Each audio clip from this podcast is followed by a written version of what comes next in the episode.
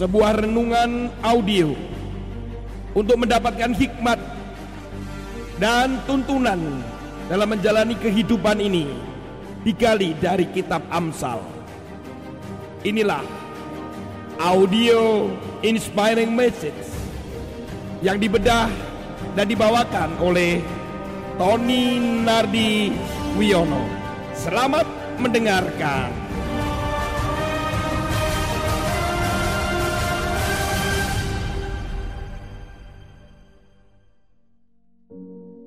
Shalom Bapak Ibu sekalian, kita masuk di dalam pembacaan firman Tuhan. Hari ini yang terambil di dalam Amsal pasal 12 ayat yang ke-16 Bodohlah orang yang menyatakan sakit hatinya seketika itu juga Tetapi bijak yang mengabaikan cemooh. Saudara, ayat ini kalau dilihat dari berbagai versi saya akan mencoba untuk membacakan pada saudara berbagai versi tapi sudah diterjemahkan dalam bahasa Indonesia. Yang pertama adalah Amplified Bible. Ya, Amplified Bible.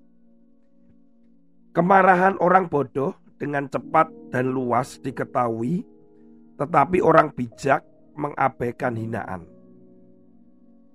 Kemudian NIV atau New International Version ayat itu berbicara orang bodoh menunjukkan kejengkelan mereka saat itu juga tetapi orang bijak mengabaikan hinaan.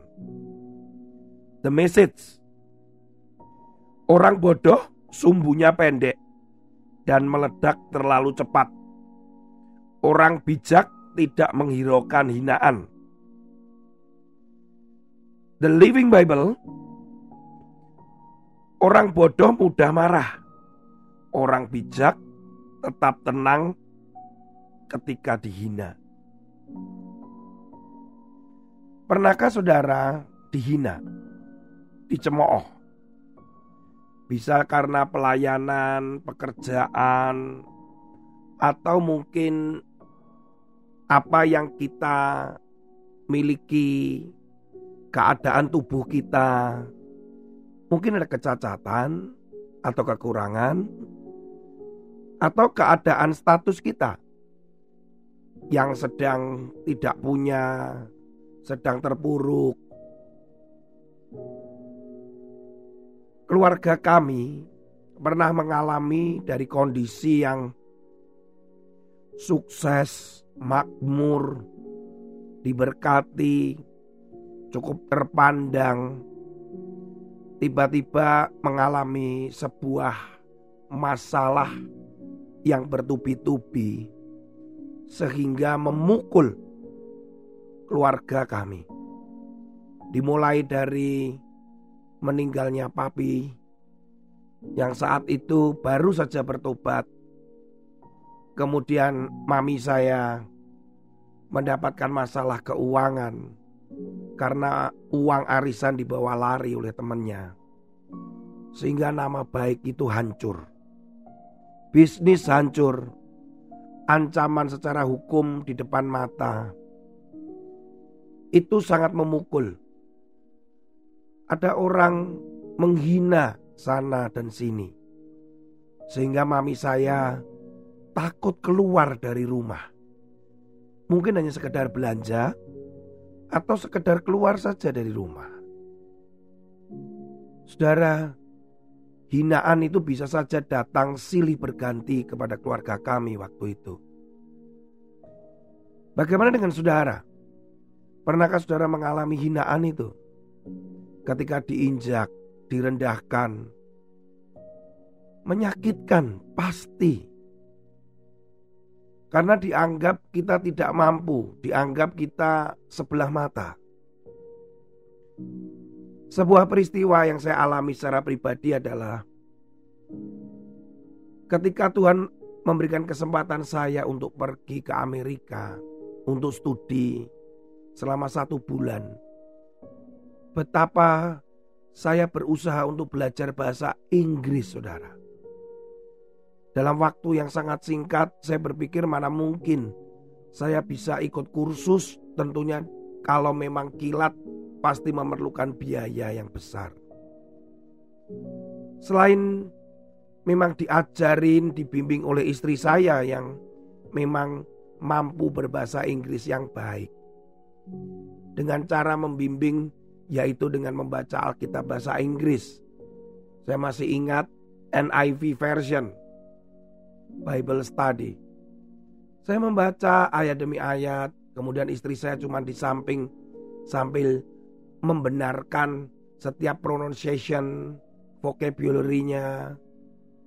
Dan saat itu ya cuma sekedar seperti itu. Kemudian sebelum keberangkatan, kurang lebih satu bulan sebelum keberangkatan saya ya, saya mendapatkan kesempatan mengikuti sebuah seminar di Malaysia. Saat itu bagi saya kesempatan untuk mencoba untuk berbahasa Inggris di sana. Salah satu sahabat saya, teman saya pelayanan yang di dunia anak-anak, dia adalah seorang clown yang memang tinggal di Malaysia. Saat itu dialah yang mengantar kami, menjemput kami. Kemudian selama seminar, kadang kami didampingin. Saat itu saya berkesempatan untuk berbahasa Inggris dengan dia. Saya sendiri mengatakan bahwa saya sedang belajar memberanikan diri untuk berbahasa Inggris. Tolong saya dibimbing seandainya selama beberapa hari ini saya salah. Ketika satu kali ketika saya berbicara bahasa Inggris dengan dia. Tujuan saya juga sudah saya ungkapkan. Tapi tiba-tiba dengan sebelah mata dia melihat saya cuman begini.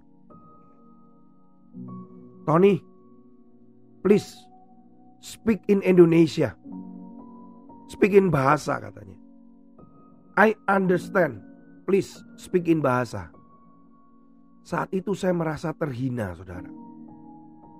Padahal saya sudah berusaha dan mengungkapkan tujuan saya saya mau mempertajam bahasa Inggris saya. Dengan kata lain sepertinya dia mau berkata, sudahlah kamu nggak bisa bahasa Inggris. Ngomong bahasa saja aku ngerti. Sejak saat itu, saya menggunakan bahasa Indonesia terus dengan dia. Sepanjang seminar, sampai saya pulang ke Indonesia. Saya tidak mau menggunakan bahasa Inggris. Mungkin itu kejengkelan saya kali ya saudara. Saya merasa terluka, dihina. Walaupun itu tidak terungkap dengan kata-kata menyerang dia. Tapi Tuhan itu adil. Beberapa tahun kemudian dia datang ke Indonesia dan kami pelayanan bersama-sama di Kendari di Sulawesi dan saat itu dia harus menyampaikan firman Tuhan di sebuah KKR anak. Kemudian dia tidur sekamar dengan saya sebelum acara dimulai.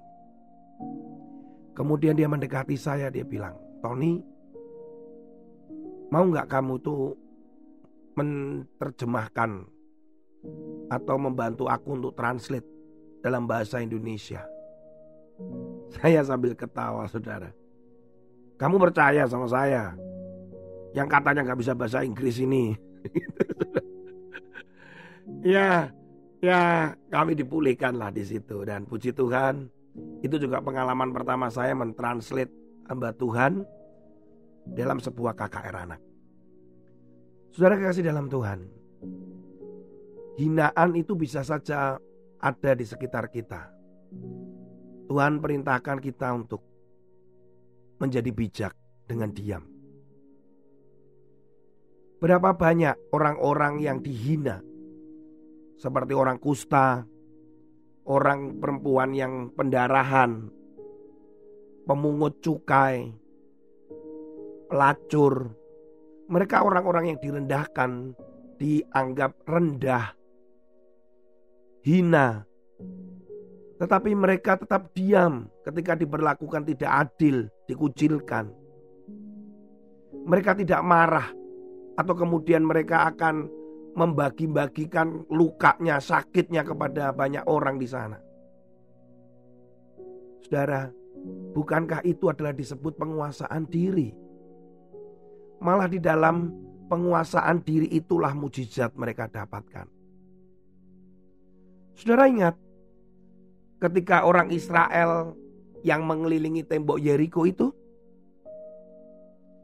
di mana orang Israel ketika mengelilingi tembok Yeriko, Saudara tahu peristiwa itu. Saat itu Yosua bersama dengan para imam, kemudian juga dengan orang-orang Israel yang bersenjata. Mereka akan mengelilingi tembok. Saudara, apa perintah Tuhan? Tuhan cuma mengatakan pada saatnya nanti ketika aku perintahkan untuk bersorak, bersoraklah. Dengan kata lain, sepanjang hari selama tujuh hari mereka mengelilingi tidak boleh berbicara. Dan saat itu sudah ditegaskan juga oleh Yosua, yaitu di dalam Yosua pasal yang ke-6 ayat yang ke-10 tetapi Yosua telah memerintahkan kepada bangsa itu demikian. Janganlah bersorak dan janganlah perdengarkan suaramu. Sepatah kata pun janganlah keluar dari mulutmu sampai pada hari aku mengatakan kepadamu bersoraklah. Maka kamu harus bersorak. Sementara mereka mengelilingi tembok Yeriko bisa dibayangkan dari Yeriko itu ada orang-orang yang berjaga di tembok itu. Mereka melihat mengapa orang Israel itu mengelilingi diam saja. Ngapain setiap hari keliling-keliling dan diam saja. Mereka mungkin hari pertama, hari kedua melihat seperti itu. Orang-orang Yeriko cuman tertawa. Bahkan mungkin juga keluar hinaan, cacian. Melihat mereka Kenapa kok nggak berperang? Kenapa? Nggak berani ya? Untuk mengalahkan tembok ini atau menghancurkan tembok ini. Mungkin muncullah kata-kata seperti itu. Tetapi ingat, perintah Tuhan mengatakan bahwa jangan bersorak sebelum perintah Tuhan katakan bersorak. Yang diulang lagi oleh Yosua. Tetap tutup mulut, diam aja. Saudara, apa yang terjadi ketika mereka bersorak pada waktu Tuhan? Mujizat. Kuasa Tuhan dinyatakan. Mari kita saudara kita belajar untuk menguasai diri dengan kita menunjukkan kita sebagai orang yang bijak. Ketika dihina, ketika kita dicemooh, jadilah bijak. Apalagi dikatakan di dalam Amsal tadi, Jangan mengumbar-umbar luka hati. Orang-orang ini atau kita kadang-kali kalau luka hati kita mengumbar-umbar sakit hati kita membicarakan kepada banyak orang saat itu juga itu bisa menjadi petaka tersendiri. Dua hal yang kita pelajari hari ini. Yang pertama, ketika kita dihina, belajar untuk menguasai diri diam. Yang kedua, Jangan mengumbar-umbar sakit hati luka kita. Pada saat yang tidak tepat atau langsung saja kita mengumbar sakit hati itu. Ini dengan kata lain jangan mudah marah. Karena biasanya mengumbar sakit hati itu bentuk nyatanya adalah marah. Mari kita inti daripada dua hal itu adalah penguasaan diri. Biarkan hidup saudara dan saya ada dikuatkan oleh Tuhan supaya kita bisa menguasai diri kita. Walau dihina, diinjak, dikucilkan, diolok, dicaci maki. Jangan biarkan sakit hati akhirnya marah itu menguasai kita dan kemudian kita melakukan hal-hal yang malah itu menjadi hal yang buruk dan akibatnya fatal. Tuhan Yesus memberkati saudara. Mari kita saling mengingatkan satu dengan yang lain. Haleluya. Amin. Kasih Yesus indah dalam hidupku. Menghiasi hati dan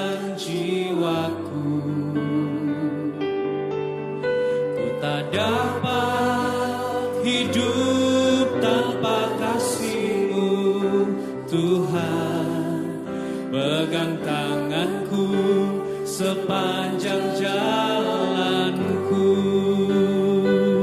Kasih Yesus kasih Yesus indah dalam hidupku. Menghiasi menghiasi hati dan jiwaku.